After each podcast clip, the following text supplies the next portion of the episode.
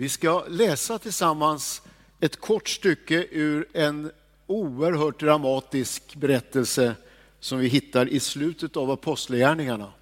Hela Apostlagärningarna är dramatisk, men det här kapitlet är alldeles speciellt dramatiskt. Och jag rekommenderar dig att läsa kapitlet i sin helhet, det är det 27 kapitlet i Apostlagärningarna. Men jag läser bara några versar, det är ett ganska långt avsnitt. Så här står det ifrån Eh, Apostlagärningarna 27 och vers 18. Då vi var jag kan säga det innan jag läser att vi är mitt uppe, alltså, jag kommer in i en, en scen på Medelhavet mitt i en våldsam storm. De har varit utan, eh, utan måne och stjärnor under flera, ja, ett par veckors tid. Och stormen är så hård. Och så kommer det in här där det står så här. Vi var hårt ansatta av stormen. Började, eh, och då började dagen därpå att kasta ut lasten över bord. Och på den tredje dagen kastade de med egna händer ut skeppets utrustning över bord. Varken sol eller stjärnorna syntes på flera dygn. Och stormen låg på så att vi till sist förlorade allt hopp om räddning. Hör du? Vi förlorade allt hopp om räddning. De hade nu inte ätit på länge. Då steg Paulus fram mitt ibland dem och sa Ni män borde ha lytt mitt råd att inte lägga ut från Kreta och så undvika denna skada och förlust. Men nu uppmanar jag er att vara vid gott mod. Inte en enda av er ska mista livet, bara fartyget ska gå under. En ängel från den Gud som jag tillhör och tjänar stod nämligen bredvid mig i natt och ängeln sa, frukta inte Paulus, du ska stå inför kejsaren och se alla dem som seglar med dig har Gud skänkt dig. Var därför vid gott mod, ni män, ty den tilltron har jag till Gud, att det blir som han har sagt mig. Men vi måste kastas upp på en ö. Ja, det här är en otrolig dramatik. Här står Paulus mitt i natten. Eh, eller om det, ja, det var i alla fall mörkt, för det var ingen sol, inga stjärnor.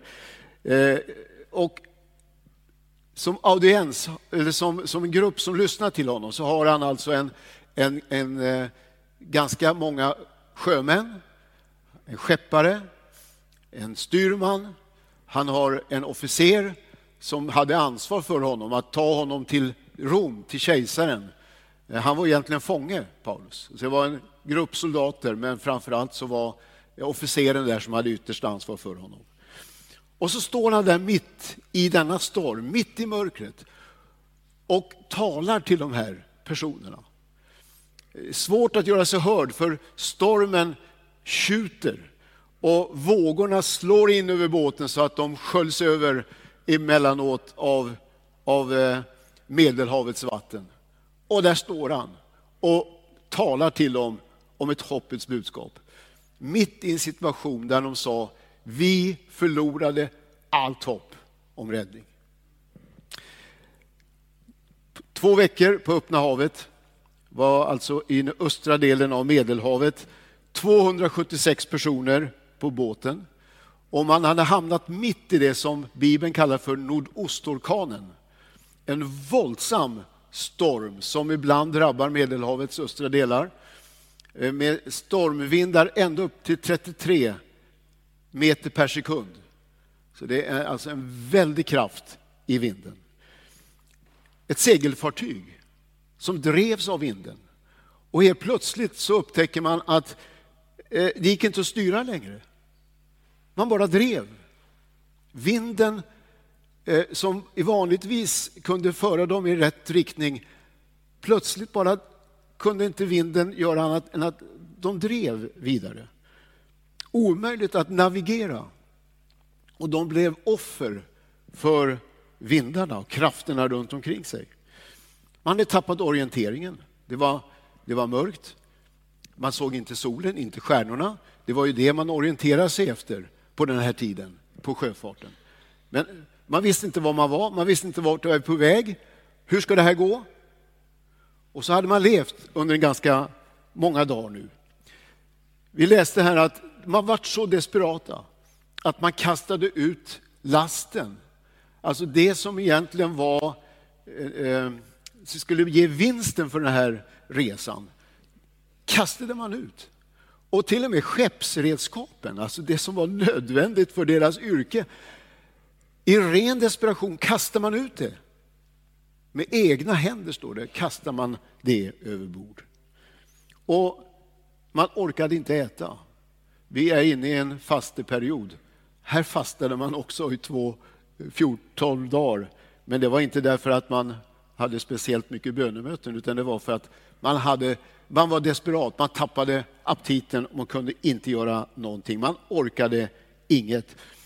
Och det värsta var inte att man förlorade lasten. Det värsta var inte att man förlorade skeppsredskapen. Det värsta var att man förlorade hoppet. vi brukar ju säga det, hoppet är det sista som vi förlorar. Och det var det man hade förlorat. Om du läser det här stycket ska du se att egentligen var det en onödig situation man hade hamnat i. Man var alltså på resa upp till Italien. Och eh, normalt sett så färdades man inte ute på havet den här perioden, utan man låg i hamn. Och när det var tal om att de skulle trotsa det, det, vanliga sättet att, att färdas, så säger Paulus till dem, och han hade ett profetiskt ord till dem, att de inte förstod det. Han sa, jag, jag ser att den här resan, eh, kom, det kommer inte gå väl. Det kommer att sluta i en katastrof. Ligg still. Men officeren, han lyssnade mer på vad skepparen tyckte. Och han lyssnade mer på styrmannen. Han eh, tyckte Paulus idéer var, var väl intressant i sig, men det var inte så mycket att, bry sig om. Nej, vi går, vi går på erfarenheten. Vi går på förnuftet. Vi tar det som de här erfarna sjömännen säger. Och så kom det så turligt en sunnanvind som blåste. Det var, det var så lägligt för dem så att de sa nu kör vi. Och Paulus sa nej, gör det inte. Och trots det så gav man sig iväg. Och så gick det bara en litet tag så, så försvinner den här sommar eller den här ljuva lilla vinden och istället kommer nordostorkanen och tar båten i fatt. Och där står han nu då, samlad. 275 åhörare på däcket. De står allihopa. Sjömännen genomtrötta, desillusionerade, rädda. De var ju vana att vara på sjön, men den här gången så var det en situation som var dem övermäktig. Där stod han, skepparen, som var van att styra och ställa. Nu drev man bara. Ingen visste vart det bar hän. Styrmannen som brukade styra sin båt klarade inte situationen. Och så stod man hungrig och bara väntade på vad ska hända, vad ska ske? Tänk att det fanns en människa ombord som var en bönens man. Paulus, han kände Gud och han bad naturligtvis i den här situationen. Och Paulus, hans böner blev hörda. Och tänk att han får änglabesök mitt i denna storm. Och det märkliga är att det är inga som märker att en ängel kommer mer än Paulus.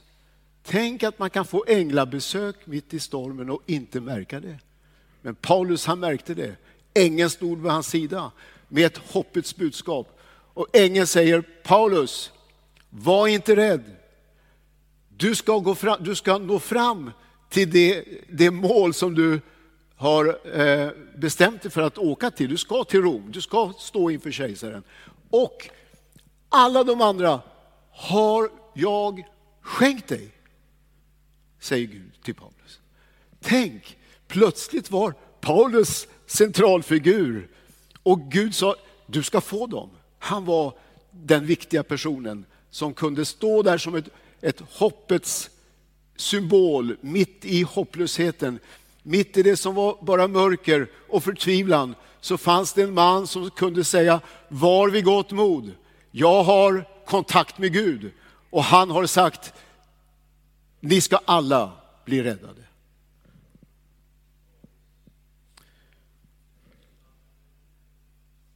Jag tycker på något sätt när man läser det här, det är en intressant berättelse, spännande berättelse. Men när jag läser det här så känner jag igen på något sätt vår värld idag. Gör inte du också det? Vår värld som vi är vana att kunna styra och ställa efter mänskligt förnuft. Plötsligt så upptäcker vi både nu och då och ganska ofta att det är andra krafter som styr än de som vi kan behärska. Och ibland känns det som att vi bara driver. Ingen har koll, ingen har grepp. Vart är vi på väg? Tänk om man kunde lyssna på Guds ord. Det är det som är så, så tragiskt. Att man har slagit dövöra till för vad Gud säger. Man lyssnar inte längre på vad Gud säger i sitt ord. Utan man är desorienterad, man kan inte navigera och man fylls av samma hopplöshet som vi läste här. Paulus säger i Efesierbrevets andra kapitel att när man är utan Kristus, då är man utan Gud och utan hopp. Så det är faktiskt så. Det världen idag behöver, det är Kristus. För han är vårt hopp. Paulus säger det i sitt brev till, till Timoteus. Kristus, han som är vårt hopp. Du förstår, det finns ett hoppets budskap i vår värld och det är Jesus Kristus. Han är hoppet för oss. Han är hoppet för vår värld. Vi sjöng mycket förr, och du kanske minns det Caroline. Jesus, han är svaret för vår värld idag. Han har makt att göra under än idag. Tänk att det är så att Jesus, han är faktiskt svaret. Han är världens hopp. Och det är han vi vill förkunna och lyfta fram ikväll. Stri eh, eh, stormen skulle ridas ut. Skeppet skulle gå förlorat, men alla skulle bli räddade. Bibeln säger att vår värld kommer inte att klara sig, men Gud skapar en ny himmel och en ny jord där rättfärdighet bor. Det är ganska intressant, om vi inte tid att gå in i det, men det perspektivet lever vi under. Den här berättelsen kan också vara en situation som du känner igen dig i, rent personligen. Du, låt mig säga, det är så viktigt att vi lyssnar till Guds ord och att du tar till dig det, det råd som Gud ger.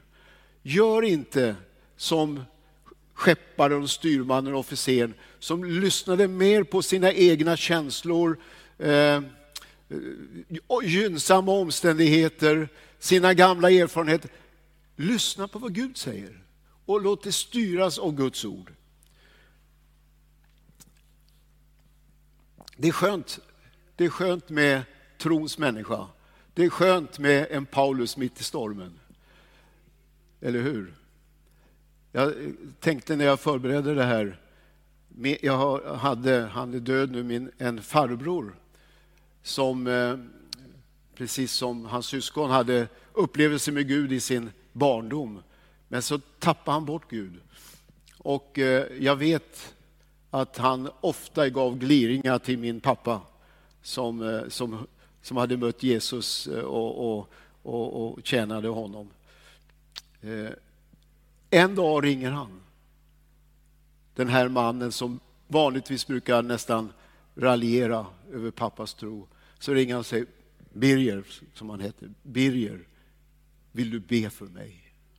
Ja, då var det skönt att veta var bönens människor fanns. Var trons människor finns någonstans, när nöden kommer. Då var sjukdomen som hade slagit till i hans liv och då kan du be för mig. Vi hade en, en medlem i vår församling som är hemma hos Herren nu sedan några år tillbaka. Han heter Sven. Han var företagsledare och innan han flyttade till Eskilstuna så bodde han i Enköping och där lärde jag känna honom. Och han berättade för mig i ett tillfälle, han, Han reste mycket i sitt arbete. Han reste till Kina och på olika håll. Han köpte in varor som sen sålde. Och eh, han berättade för mig vid ett tillfälle att han hade fått ett telefonsamtal. Och nu, pratar vi, nu går vi tillbaka kanske 30 år. Det är alltså inte lika mycket kontakt och mejl och sånt som, som idag. Han hade fått en telefonsignal ifrån en affärskontakt. Jag undrar om det var i Kina eller om det var i Korea. Och den här personen sa, Sven, jag ringer till dig nu. För du är den enda kristna jag känner. Och nu behöver jag hjälp. Och så beskrev han sin situation, det var kris på olika sätt. Vill du be för mig? Du är den enda kristna människa jag känner. Du, vad skönt det är, även om man måste ringa över hela klotet, att hitta en människa som ber till Gud och som står för hoppets budskap. Och där, där stod han Paulus. Han sa, jag har haft besök av en ängel och ängeln sa, var inte rädd. Stormen kom oväntat. Krafterna var lika starka, men där står han trygg, säker och ger ett hoppets budskap till besättningen och säger ni ska alla, ni ska alla komma i land. Fantastiskt. Du, du är viktig. Du som ber till Gud, du är viktig. Bibeln säger, eller ofta, vi kan läsa det i Apostlagärningarna, att budskapet till människor är du ska bli frälst, du och hela din familj. Tänk på det, att du ber för dina barn, du ber för dina släktingar. Du är en viktig person. Gud hör dina böner och han, din omgivning drar nytta av att du är en, en människa som ber och som tror på Gud och som har ett hoppets budskap. Även när det krisar, när det är jobbigt, en människa som har en tro på en levande Gud och ett hoppets budskap. De här, den här gruppen av människor, de, eh, det var en väldigt dramatisk upplösning. Skeppet bröt sönder. Men när de kom i land, kravlade sig i land på Malta, så kunde man räkna ihop 276 personer. Alla räddade. Och Paulus han stod där kvar som ett hoppets representant i en hopplös, alldeles hopplös situation. Du kan få vara en hoppets budbärare i din situation, i din omgivning. Vi som församling kan få vara hoppets budbärare i vår tid, i vår stad. Det finns mycket problem, mycket mörker, destruktiva krafter som arbetar i alldeles fel riktning och ibland så möter vi uppgivenhet hos polis och andra. Vi har ett hoppets budskap. Det finns ett hopp, det finns en ö dit de blev räddade. Vi har en klippa och den klippan är Kristus. Han är räddningen för oss var och en. Han är räddningen för Eskilstuna, han är räddningen för Sverige och vi vågar påstå, han är räddningen för hela vår värld. Du som befinner dig i en storm just nu. Du som upplever att, att krafter driver dig som du inte längre kan behärska. Och du som upplever att du har gjort av med värdefulla saker i ditt liv. Du har slösat bort. Precis som den förlorade sonen slösade bort allt han hade, så har du kastat över bord. Och nu bara finns hopplöshet kvar. Du, ikväll vill vi förkunna hoppets budskap till dig. Hoppet är Jesus Kristus. Sök dig till honom. Han är ditt hopp. Han är din frälsning och han kan få ordning på ditt och mitt liv. Han kan skapa struktur där det bara är kaos. Han kan se till att det finns en fast punkt dit vi kan komma och där vi kan få upprättelse och välsignelse. Gud välsigna dig och Gud välsigna oss som församling, församlingar i stan. Att vi är hoppets bärare, att vi förkunnar hopp i vår tid. Ska vi be tillsammans?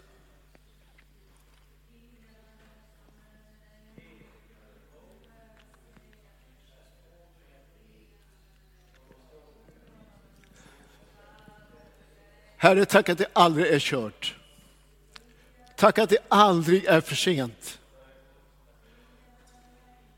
Tack att det aldrig kommer till den punkten där, där det är hopplöst.